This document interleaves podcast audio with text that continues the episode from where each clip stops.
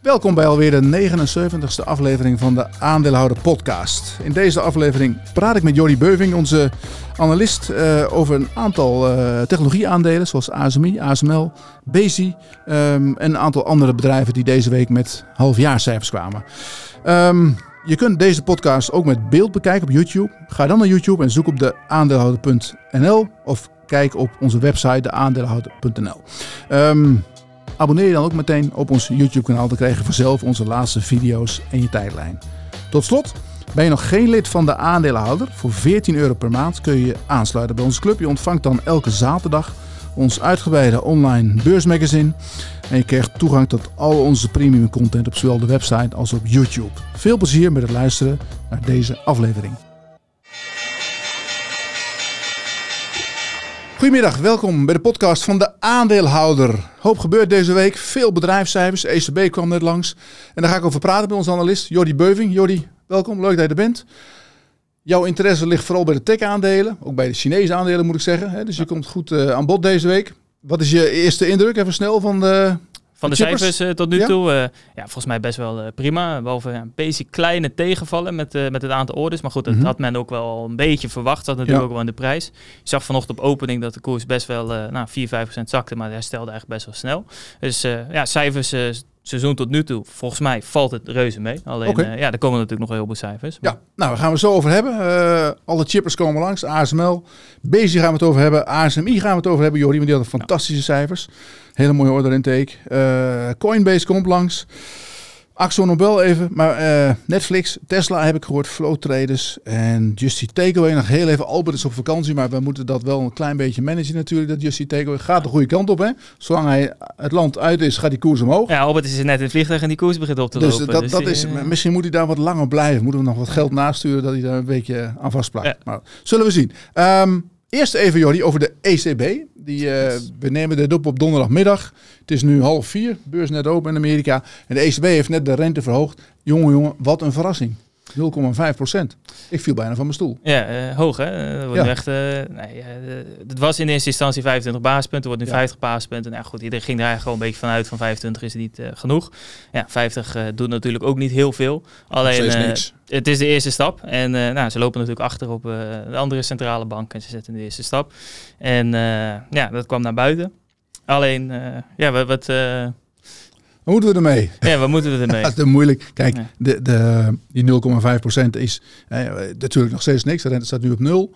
Inflatie 8%, dus er is nog een enorme gap. Ze, willen, ze zeggen zelf, ik las net even dat persbericht en dan staat erin van nou, we hebben de rente verhogen, want we willen het gat met de inflatie willen we dichten. Tenminste, we willen de inflatie aanpakken en dat moet weer terug naar de lange termijn visie die ze hebben. 2%. Nou ja, dat, dat helpt natuurlijk niet een half procent. Maar goed, het is wel een eerste stap. En ze zitten best wel in een lastig uh, parket, omdat uh, zit natuurlijk in de Europese economie met Duitsland, Italië, uh, zuidelijke landen, noordelijke landen lo lopen op ja, verschillend tempo. Alhoewel met de Duitsers moeten we afwachten. Hè. Als die geen gas meer krijgen, dan gaat die economie ook ja. dieper in. maar goed, dus ja, voor de rest kun je daar niet zo heel veel van zeggen. Het enige, het enige is dat ze nu wel weer een mechanisme bedacht hebben, en daar heb jij in verdiept, ja. waarin ze Italië gaan helpen. Ja. Ja, wat het eigenlijk is, kijk, die renteverhoging, dat is allemaal wel kort gezegd. Alleen wat ze vandaag ook aankondigden, is dat ze uh, transmission mechanism gaan ze nou, uh, hebben ze goedgekeurd. Ja. En uh, nou, wat het eigenlijk inhoudt is, de, alle lidstaten hebben een bepaalde schuld. Alleen die verschillen tussen de rentes, omdat de rente wordt nou verhoogd. En de rente op die schuld loopt in verschillende tempo's op. Dus in Italië, die hebben mm -hmm. veel meer last van die renteverhoging. Die hebben natuurlijk grotere schuldenberg. Uh, ja, en die kunnen uh, solventieproblemen krijgen als die rente te hard oploopt.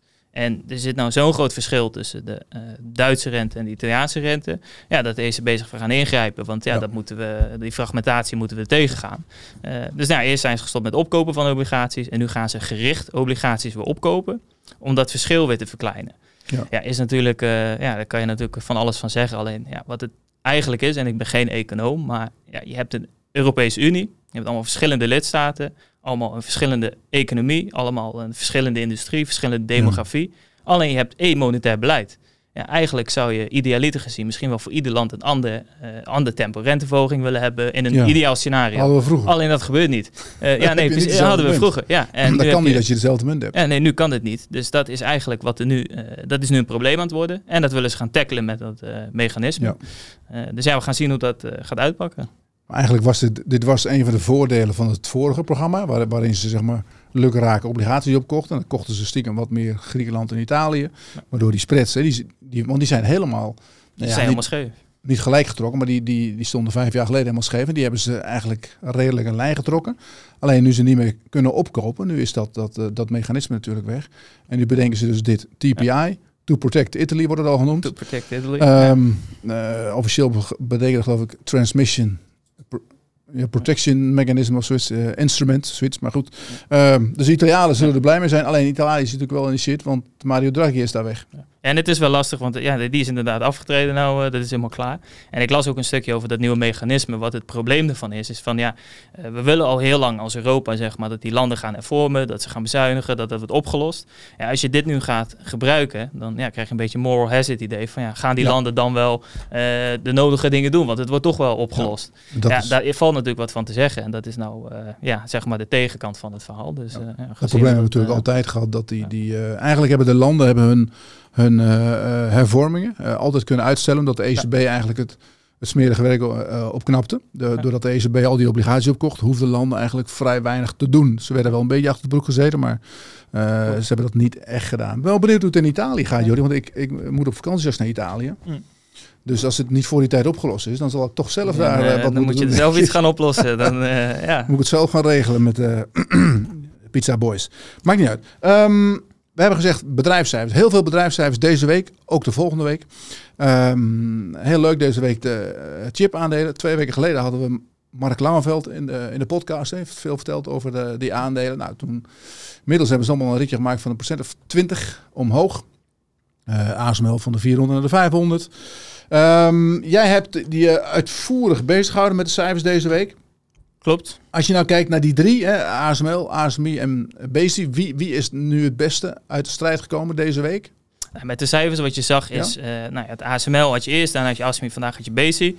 En nou, laten we beginnen met de minste. Uh, dat is eigenlijk Basic vandaag. Uh, de meest cyclische van de drie. Dat was ook wel redelijk verwacht, alleen het viel eigenlijk toch nog net wat slechter uit dan verwacht. Gisteren had je ASMI, die had echt een fantastische orde-intake. Was, uh, nou, was echt gigantisch, was echt hele mooie cijfers. Ging vandaag ook plus 11 procent. Ja. Zelfs een handel stopte net op de, op de koers, omdat het hoger dan 10 procent ging. En ja, ASML was eigenlijk ook best mooi. Alleen je moest wel even door de headline heen lezen. Ja. Want de headline was van ja, 10 procent omzetgroei in plaats van 20 procent omzetgroei technisch verhaal. Maar ja, uh, daar moest je even doorheen lezen. Eigenlijk was het onderliggend gewoon goed. Okay. Dat, uh, nou, laten we eens even kijken naar, naar ASML. We hebben voor de mensen die meekijken, want dit wordt natuurlijk op Spotify uitgezonden, maar ook op YouTube. We nemen het op. En mensen die, we hebben hier een slide met ASML-cijfers. Misschien kunnen we die even laten zien. Dan zien we de order intake was 8,5 miljard. Dat was, ja. was veel meer dan verwacht. Hè? Ja. ja, vorig kwartaal was dat 7 miljard. En uh, dat is een record voor, uh, voor ASML. 8,5 miljard aan nieuwe orders. Dat is echt een uh, nou, serieus bedrag. En ja, dat was eigenlijk een beetje afwachten. Alleen je ziet gewoon van ja, het zit helemaal vol. ASML zit op volle capaciteit. En ja. de orders blijven gewoon doorkomen. het is nog niet dat dat begint af te zwakken. Ja. Dat, nu, nu, was, nu was de headline in eerste instantie van de, nieuws, de nieuwsberichten die doorkwamen, was nogal, nogal negatief. Dat er, uh, er stond omzetgroei van 20% naar 10%, maar dat was een beetje een instinker. Ja, wat het eigenlijk is, een klein technisch verhaal, boekhoudkundig verhaal. Het zit namelijk zo, uh, klanten van ASML kunnen niet wachten op die machines. Want ja. Ja, er is niet genoeg capaciteit en ze staan te, te trappelen tot die machines er zijn.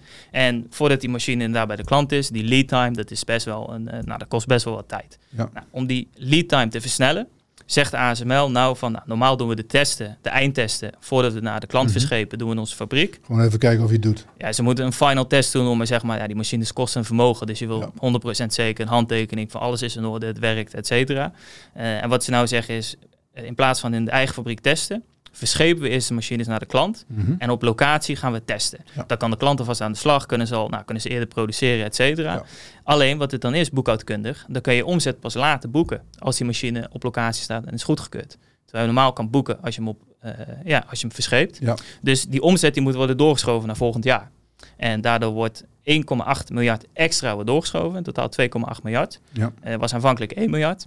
En daardoor komt de omzet over 2000 20, dus 10% lager uit. Ja. Alleen het is niet dat het geen omzet meer is, alleen het wordt nou een jaar later omzet. Dus je uitstel Eh, is geen afstel. Nee, uitstel is geen afstel. Dus als je daar doorheen leest, was het onderliggend eigenlijk best wel prima.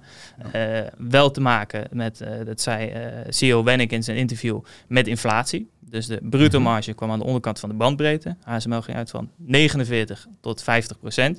En die Ja. kwam uit 49,1. En de oorzaak daarvan was de kostinflatie. Want ja, de- daar heeft gewoon iedereen mee te maken, ook ASML. Ehm, ja, eigenlijk voor de lange termijn blijven ze gewoon positief. Eh, ze zien wel dat ja, de marge op de kortere termijn die ligt iets onder druk. Ja, ze willen de capaciteit verder uitbreiden. eh, ja, eh, kosteninflatie. Alleen, ja, Wenning gaf zelf aan wel voor 2025 blijven wij gewoon bij onze doelstelling voorlopig. Een hogere marge en dat is ook gewoon haalbaar. Ja. Dus eh, ja, al met al best positief. Oké. ja. Nu komen ze eind van het jaar met een beleggersdag. Het wordt nu 11 november. Die, die datum is bekend. Waren ze drie maanden geleden best wel enthousiast van... eh, nou, dan gaan we eens even de, de lange termijn doelen... die gaan we naar boven bijstellen. Maar eh, is dat nog steeds het geval, denk je? Of? Ja, wat ze hebben aangekondigd bij de cijfers, van hebben ze vorige kwartaal cijfers ook al laten weten. We komen binnenkort met een update, eh, revised growth plan voor 2025. Omdat ja, de marktomstandigheden veranderen, capaciteit moet worden aangepast, et cetera. Ja. Dus daar komen ze binnenkort mee en dan gaan ze meer uitleggen over ja, wat ze precies gaan aanpassen. Of dat ze gaan aanscherpen. Of dat, ja, dat wordt even afwachten. Ehm, dus dat is één. En verder kondigde ASML ook nog aan dat ze nou een kwartaaldividend gaan doen. Dat is misschien Ja. ook wel leuk voor. Ja. eh, eh, dus nou vanaf augustus, als ik het goed zeg, komt ieder kwartaal een dividend. Eh, vanwege de dividendgroei afgelopen jaar. Dus dat is ook Ja. iets belangrijks om rekening mee te houden. Ik zit me toch wel af te vragen waarom ze zoiets nou doen. Hè? Want ik bedoel, waarom gaat zo'n bedrijf nou opeens... Het is alleen maar gedoe voor hun. Moeten ze, moeten ze dat ja, vier keer per jaar doen? Mhm. Misschien zijn ze toch wel een beetje geschrokken van die koersdaling. Dat ze denken van nou, hoe kunnen we beleggers beter aan ons binden? En, en eh, nou, eh, elk kwartaal een dividend is wel lekker hè? Ja, nee, dat zou zeker kunnen meespelen. Dat eh ja, nou, ieder kwartaal binnen. ja, beter dan één keer per jaar waarschijnlijk. Mensen denken van ik ga uitstappen, maar ja, dan, dan mis je het dividend weer. Ja. Dat willen ze ook niet. dus dan, Plus ASML is natuurlijk best wel stabiel, hè, want het orderboek zit helemaal vol, volle capaciteit. Dus ja, als mensen het als dividendaandeel zien, en dat kan natuurlijk best wel, ook als het dividend niet spectaculair, dan is het wel logisch dat je zegt dat je die ieder kwartaal doet. Ja. Dus ja, op zich wel heel begrijpelijk, denk ik. Het is natuurlijk zo, als jij die aandelen al heel lang hebt, dan is die, ja, ze betalen nu 5,5 euro per jaar. Ja. Dat is op, op, een, op een koers van 500 euro 1%. Maar als je ze op Ja. 100 euro hebt gekocht of 150, en dan groeit het dividend mee met je aandeel. En inderdaad, we kregen daar ook vragen over in de eh, chatsessie. Ja. Van ehm, eh, ja, waarom betalen ze zo weinig dividend? Maar het is niet, niet per se weinig, het is alleen die koers zo hoog Het is alleen de koershoofd. En wat het ook is, kijk, als je kan kiezen tussen of dividend of herinvesteren in de onderneming. Ja, eh, het is maar net de vraag wat je als aandeelhouder liever ziet. Ik zou zeggen, ja, eh, gooi die capaciteit zo snel mogelijk omhoog. Eh, Ja. Dan kan je sneller groeien. Alleen ja, dat is natuurlijk verschil per belegger wie ja, waar de voorkeur voor heeft natuurlijk. Begrijp ik. Oké, prima. Ehm, dat is ASML. Dan even voor de mensen thuis. Want ik heb net, we, je kunt meekijken op YouTube. We, we, eh, we nemen het op, wordt uitgezonden op YouTube. Mensen die kijken via YouTube, zou het fijn vinden als je even abonneert op ons YouTube kanaal. Wij hebben een abonnee erbij. Kunnen jullie krijgen automatisch onze nieuwste video's in je tijdlijn. En eh, voor mensen die graag eh, wat, wat, wat willen opmerken of wat aan te merken hebben. Of ja, commentaar of adviezen. Goed bedoelde adviezen natuurlijk in de comments hieronder graag. Dan uh, lezen mee en daar kunnen we misschien ook wat mee. En mensen die nog geen lid zijn van de aandeelhouder. We hebben ook een abonnement bij de aandeelhouder. De aandeelhouder Premium. Die, um, we zetten de link ook hieronder. Kan je aanmelden voor eventueel lid. 14 euro per maand. Krijg je elke zaterdag uh, ons online beursmagazine. Uh, je krijgt toegang tot onze, onze live webinars. Onze Q&A sessies doen we elke twee weken onze koersdoelenpagina en weet ik wat nog niet meer. De premium artikel door de premium week, artikelen. Van, vanochtend ja. Bezi al uh, heel vroeg. Um, Jouw stukje ASMI. ASMI ook nog natuurlijk. ASMI, ja, we gaan het nu over ASMI hebben. Um, dat is de volgende chipper. Nou, daar heb ik zelf naar gekeken vanochtend. Uh, gisteren al eigenlijk. Gisteren, na beurs kwamen die. Het was wel bizar dat die koers, je kan s'avonds in Duitsland nog handelen. In, uh, ook een Nederlandse aandeel op uh, Tradegate. En die deed eigenlijk helemaal niks. helemaal niks, klopt. Terwijl, het was wat, ik, je kijkt met name naar die order intake. Hè, en dan uh, zag je bij ASML was het al heel erg goed. Zie je ook hoe groot ASML is in verhouding tot ASMI. Hè, ja. Want bij ASMI hebben we het over een fantastische order intake van, van, van, van 943 miljoen. Ja. Maar bij ASML is het 800 miljard. miljard. Het is gewoon uh, bijna keer 10, dus bizar. Hè? Ja. tien keer zo groot. Maar ASMI is echt wel heel goed bezig. En, en nu ben ik geen technologisch expert helaas. Maar die ALD-technologie waar zij in zitten, die, uh, ja, die gaat layer, echt wel worden, denk ik. Eh, da- daar zit echt heel veel fantasie in. Ja. En je ziet ook dat bij hun, als je dat dan vergelijkt met Bezi, dat, dat het daar net wat minder gaat met de orders. Ja. Dat hier, eh, als je kijkt naar de book-to-bill ratio, dat is de, de eh, aantal orders, tenminste het bedrag in orders, ja, gedeeld door het aantal, het bedrag wat eruit gaat aan leveringen. Dus wat het bedrijf gefactureerd heeft die maand. En dat moet ongeveer op één staan. Dan heb je ongeveer dezelfde order intake als omzet. En die stond bij, ehm, eh, ik geloof bij, bij ehm, ASML op 1,6 en bij ASMI op 1,7. En dat is echt heel erg hoog. Betekent meer orders binnen, toekomstige groei. En eh, nou, dat gaat natuurlijk de goede kant op. Ja. En eh, dus dat is ook ja, een vrij logische reactie vandaag. Je ziet dat hier op de, ehm, op de sheet die we hier hebben zien, dan zie je die book-to-bill ratio. Je ziet het aantal nieuwe orders.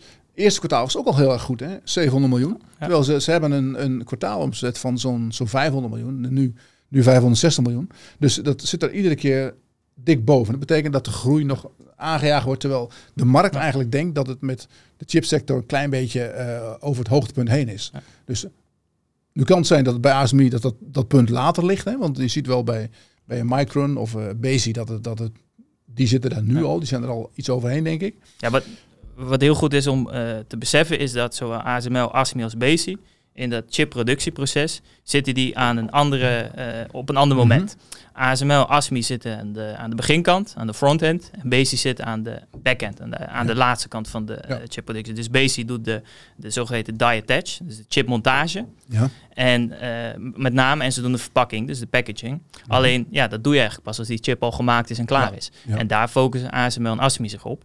En ja, daarom is het ook wel logisch dat je nu bij BASI die orders wel al ziet. Alleen bij ASML, ASMI eh, ja, eh, gaat het nog fantastisch. Ja. Zit in een verschillend moment in dat productieproces. En dat is belangrijk om te beseffen bij, eh, ja, als je moet kiezen tussen die drie. Ehm, maar Bezi, we moeten het even over Bezi hebben, want dat ging nu natuurlijk niet helemaal goed, die cijfers. Dat was niet echt. Is, is het nou heel erg dat dat een beetje terugzakt? Of hoort dat ook een beetje bij het aandeel? Nou, wat het is, eh BASI staan natuurlijk sowieso bekend als de meest cyclische van de drie. En dat is ook logisch.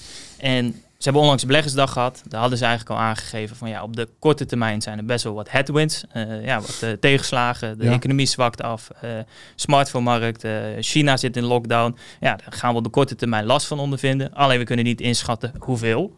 Alleen voor de toekomst, alle lichten op groen, komt helemaal goed. Hybrid bonding, verhaal blijft positief.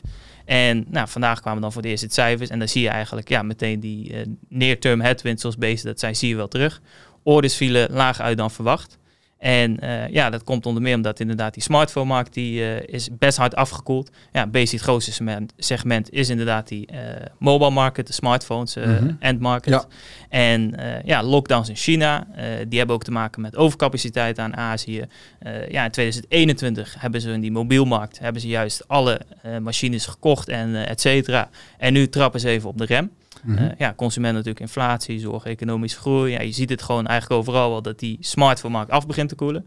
En dat zie je nou ook bij Bezi laatst ook weten in hun eh, cijfers. Dus ja, eh, wat minder orders, trapt op de rem. En ja, ze gaan daardoor zelf ook wat voorzichtiger om met de komende kwartalen.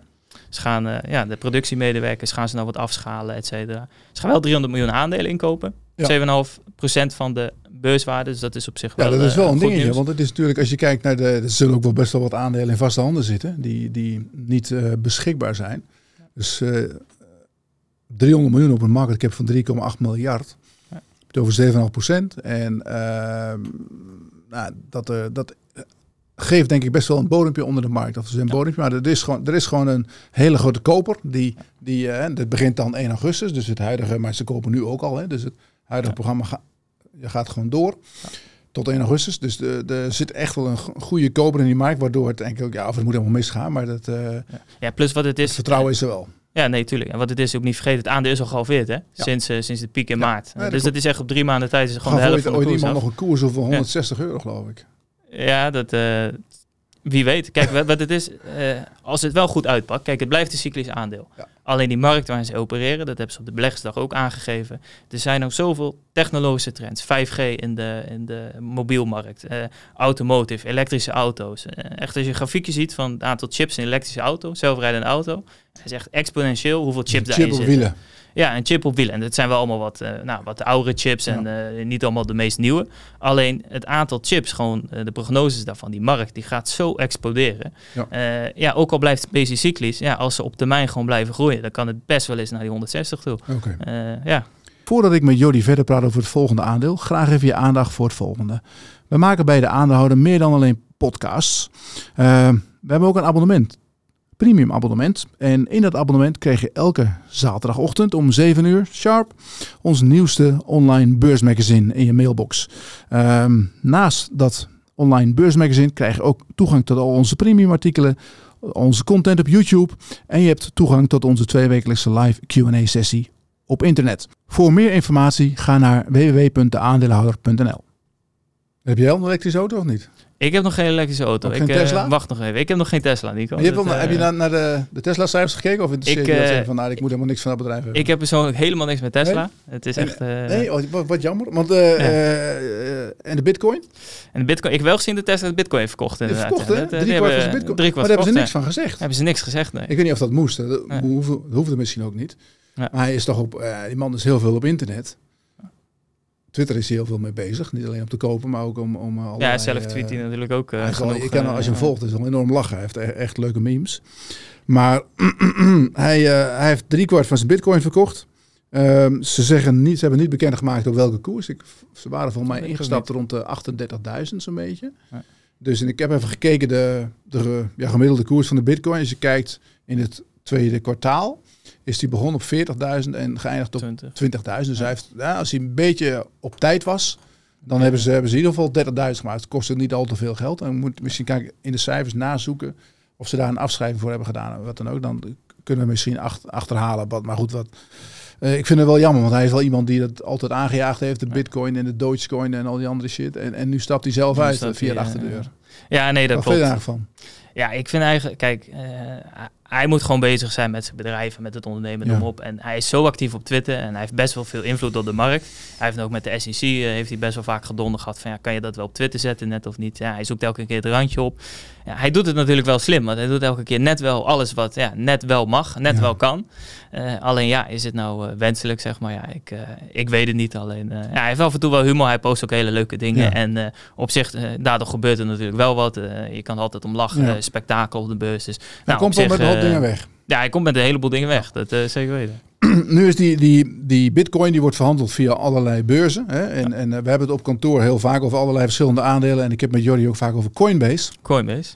En jij hebt een leuk mechanisme om in de gaten te houden hoe, hoe het gaat met Coinbase. Kan je daar iets over vertellen? Nou, wat het is bij Coinbase, je kan eigenlijk gewoon op het internet zien hoeveel handelsvolume hun hebben, dag per dag. Dus je kan gewoon zien hoeveel volume is er gisteren Dat- dat gedraaid op zelf Coinbase. bekend. Nee, dat is gewoon op de blockchain en er zijn websites die ja, die data zeg maar aggregeren. Transparantie bij En bitcoin. dan transparantie. En dan kan je in principe zien eh, hoe dat zit. En ik heb dat eerder al eens vooraf uitgerekend voor de cijfers. Van nou, Ja. dit zegt, eh, zegt die website. Klopt dat? Nou, dat zat echt gewoon een paar eh, miljoen Oh ja? zat er dichtbij. Dus het klopt redelijk. En wat je eigenlijk ziet is dat nou, sinds begin dit jaar is het volume bij Coinbase is echt gewoon ja, zwaar afgezakt. Die cryptomarkt ligt onder druk, bitcoin is gedaald, Ja. et cetera. En vanaf het begin dit jaar tot nu is ongeveer het gemiddelde volume steken op ja, 2,5 miljard per dag. 2,5 miljard Eh, per dag. ja, nou, als je dat doorrekent over... En nou, hoeveel was dat? een Hoeveel was dat een jaar geleden? dat Eh, was op- veel hoger, was misschien wel twee keer zoveel. eh. Nou, misschien niet twee keer zoveel, maar het was in ieder geval subs- substantieel meer. En wat het is, als je dat doorrekent, kan je in principe uitrekenen hoeveel ze per kwartaal eh, omzetten. Mhm. En als je dat nu doet, ja, de onderneming is hard gegroeid. Ze zijn op de piek, zijn ze naar de beurs gegaan. IPO op 300 dollar. eh executives hebben Ja. toen uitgecashed, et cetera. Was op de top van de markt. Iedereen was over crypto bezig. Het was op het nieuws, het was op nu.nl, het stond overal. En eh, nou, zijn ze gaan uitbreiden, kosten omhoog, marketingbudget omhoog, mensen aannemen. Eh, nou, volume liep op, dus dan kan je dat doen. Ja. nou, prima inkomsten, hartstikke mooi. Ook geen duur aandeel op dat moment. Nou, op het vierde kwartaal van vorig jaar een recordkwartaal gehad. En sindsdien is heel die markt in elkaar gestort, om het zo maar te zeggen. Ja. En dat zie je meteen terug in die handelsvolume. Handelsvolume zakt gewoon hard in elkaar. En dan heb je een probleem. Want als jij een jaar lang structureel je kosten hebt verhoogd, alleen je handelsvolume zakt in één keer ja, keihard weg, ja, dan is je omzet gewoon eh, door de helft of iets meer dan de helft. Terwijl je kosten oplopen, ja. dan hoef je geen analist te zijn om te zien dat, dat, uh, dat Nee. het fout gaat. Dat klopt. Maar nu, nu is het aandeel is ook door de helft. En, en, Ja, en, toen, en ging het door de helft. En dan ging het nog een keer door de helft. Ging nog een keer door de helft. Het stond eh, staat nu- 22, toen was het al hard gedaald van de 300 nog wat IPO. Ja, is naar de laag in de 50 gegaan, denk het ik. staat nu, ik zit net even te kijken, het staat nu rond de 73. En eh er komt natuurlijk weer een beetje fantasie in. Ook omdat die, die, die, eh, die renteontwikkeling in Amerika, inflatie komt wat af. Dus eh, de renteangst die ebt wat weg. Hè, waardoor mensen nu weer naar technologieaandelen gaan kijken. Dat zie je ook aan eh, bij onze chip, maar ook Adyen wat weer goed oploopt. Ja.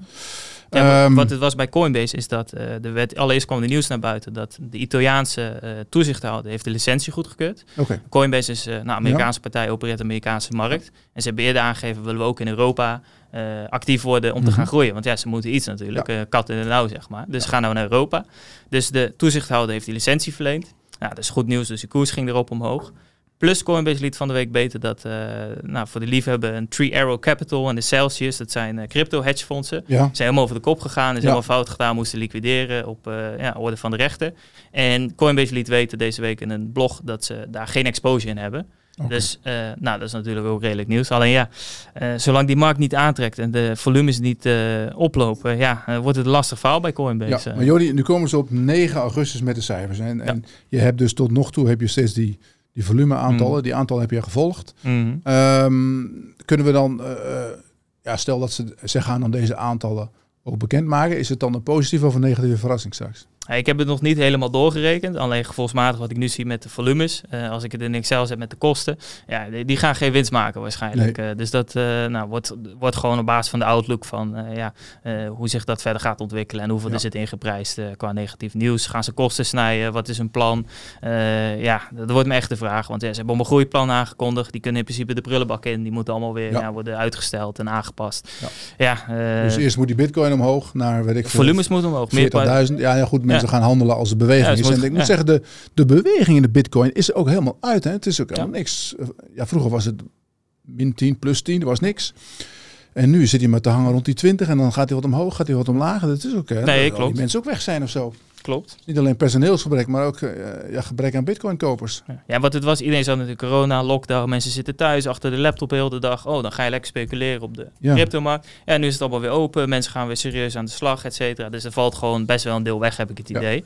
Ja, als je dan ook nog eens eh, 80% verliest, dan is het eh, spelletje natuurlijk niet meer leuk. Nee, nee, inderdaad. Dus Coinbase moeten we nog maar heel even afblijven. Dan houden we die volumes in de gaten. En op het moment dat dat echt aantrekt, dan... Als mensen die site willen weten, kunnen ze een mail sturen naar info.aandeelden.nl. En dan eh, nou, kan ik die site wel gewoon delen. Het is gewoon een publieke eh, website eh, met die data. Dus prima, gaan we doen.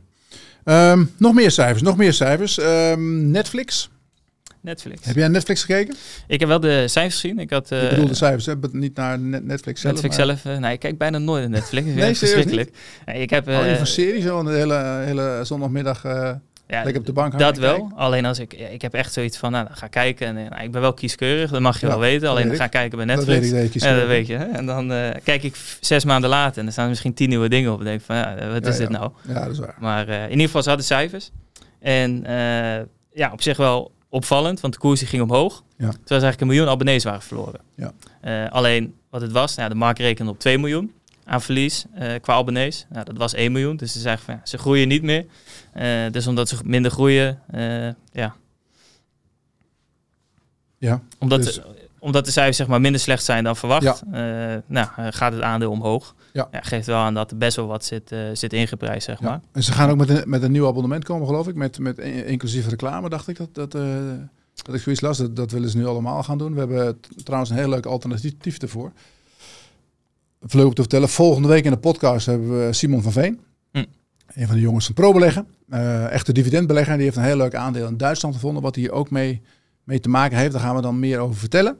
En want die doen namelijk hetzelfde. Iedereen zit natuurlijk nu een beetje te kijken van... Oké, de consumenten die is veel meer geld kwijt aan, aan met name energie en voedsel. Mm. Gaat zometeen besparen. Nu hebben we nog geld over van, van corona, maar dat is straks op. Dus je gaat een beetje door je uitgaven heen.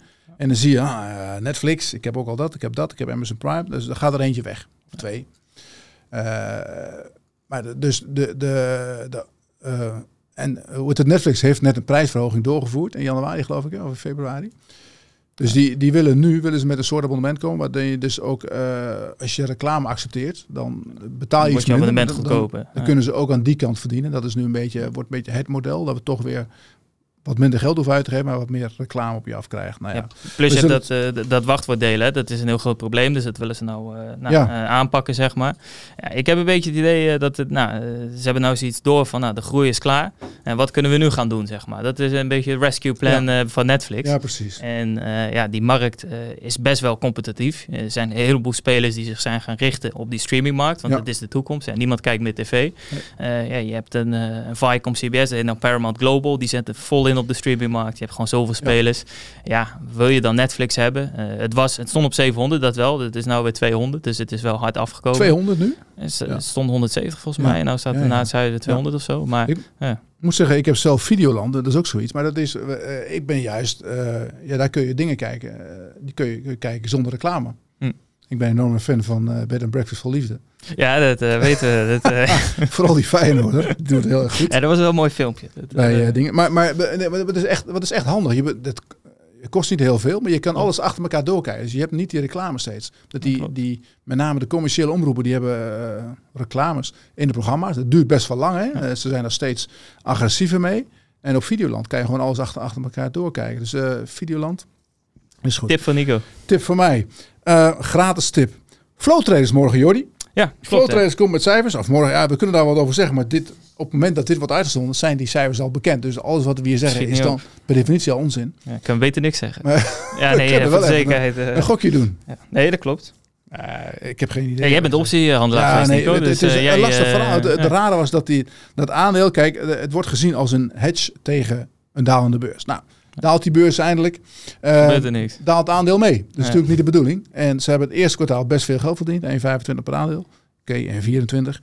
Maar ehm, in het tweede kwartaal moet het ongeveer hetzelfde zijn. Want eh, je hebt een beetje dezelfde beweging op de beurs. Nou, eh, dat zullen we dan zien. Alleen ging het aandeel hard omlaag opeens. En dat is natuurlijk het rare. Want dan begint iedereen te denken, vooral bij een bedrijf dat op de beurs handelt. Is er wat raars gebeurd? Hebben ze een fout gemaakt? Is er wat? Weet iemand iets? Eh, nou, niks bekend. Bedrijf gebeld.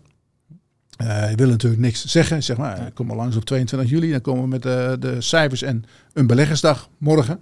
Dus eh, ik ben echt heel benieuwd wat er gebeurt. En nogmaals, als jullie dit horen, kijken of lezen of zien, dan is het al bekend. Dus dan weten we het al. En nou, meer hoeven we ook niet over te Maar zeggen. morgen, eh, nee trouwens, vanochtend stond het op de website, laat ik het zo zeggen. Ja, vanochtend, Ja, stond het op de website, en hebben we al druk en we hebben er al een artikel van gemaakt. Ja. Waarschijnlijk. Maar goed, wij zullen wel zien, Jody. We kunnen ook geen eh, meer kunnen we niet meer zeggen. Klopt. Ehm, dan hebben we nog, hebben we nog, tij- hebben we nog tijd staat toch? Jawel. Axo Nobel. Heb jij er naar gekeken? Oh nee, dat, heb is, eh, dat is niet echt mijn aandeel, eh, Nico, verf. eh, maar mij hey, trouwens ook niet. Nee, ik heb er wel naar gekeken. Want het is wel een leuk aandeel, Jordi. Vandaag daalde het weer. En, en, en eh, wat je hier ziet is echt wel iets, iets leuks om in de gaten te houden. Er komt namelijk bij Axo, die krijgt een nieuwe CEO. In november, de huidige CEO van Langer, dat is een Belg, die stapt op. Ik weet eigenlijk niet waarom, want hij is nog niet heel oud. eh, geloof ik 657. En er komt een nieuwe man, dat is een Fransman. Die lijkt heel erg op James Bond als je die foto ziet. Hmm. Maar goed, eh, hij is het niet. En eh, wat nou het leuke is bij Axo, die koers is al behoorlijk afgekomen. Is denk ik 35% lager dan, dan begin dit jaar. Komt van de Mhm. 100 zelfs. Staat nu rond de 63. Er was ook een winstwaarschuwing een maand geleden. Eh, Ze hebben gezegd, we, hebben wat eh, moeilijkheden in Europa. Voorradenafbouw bij de klanten.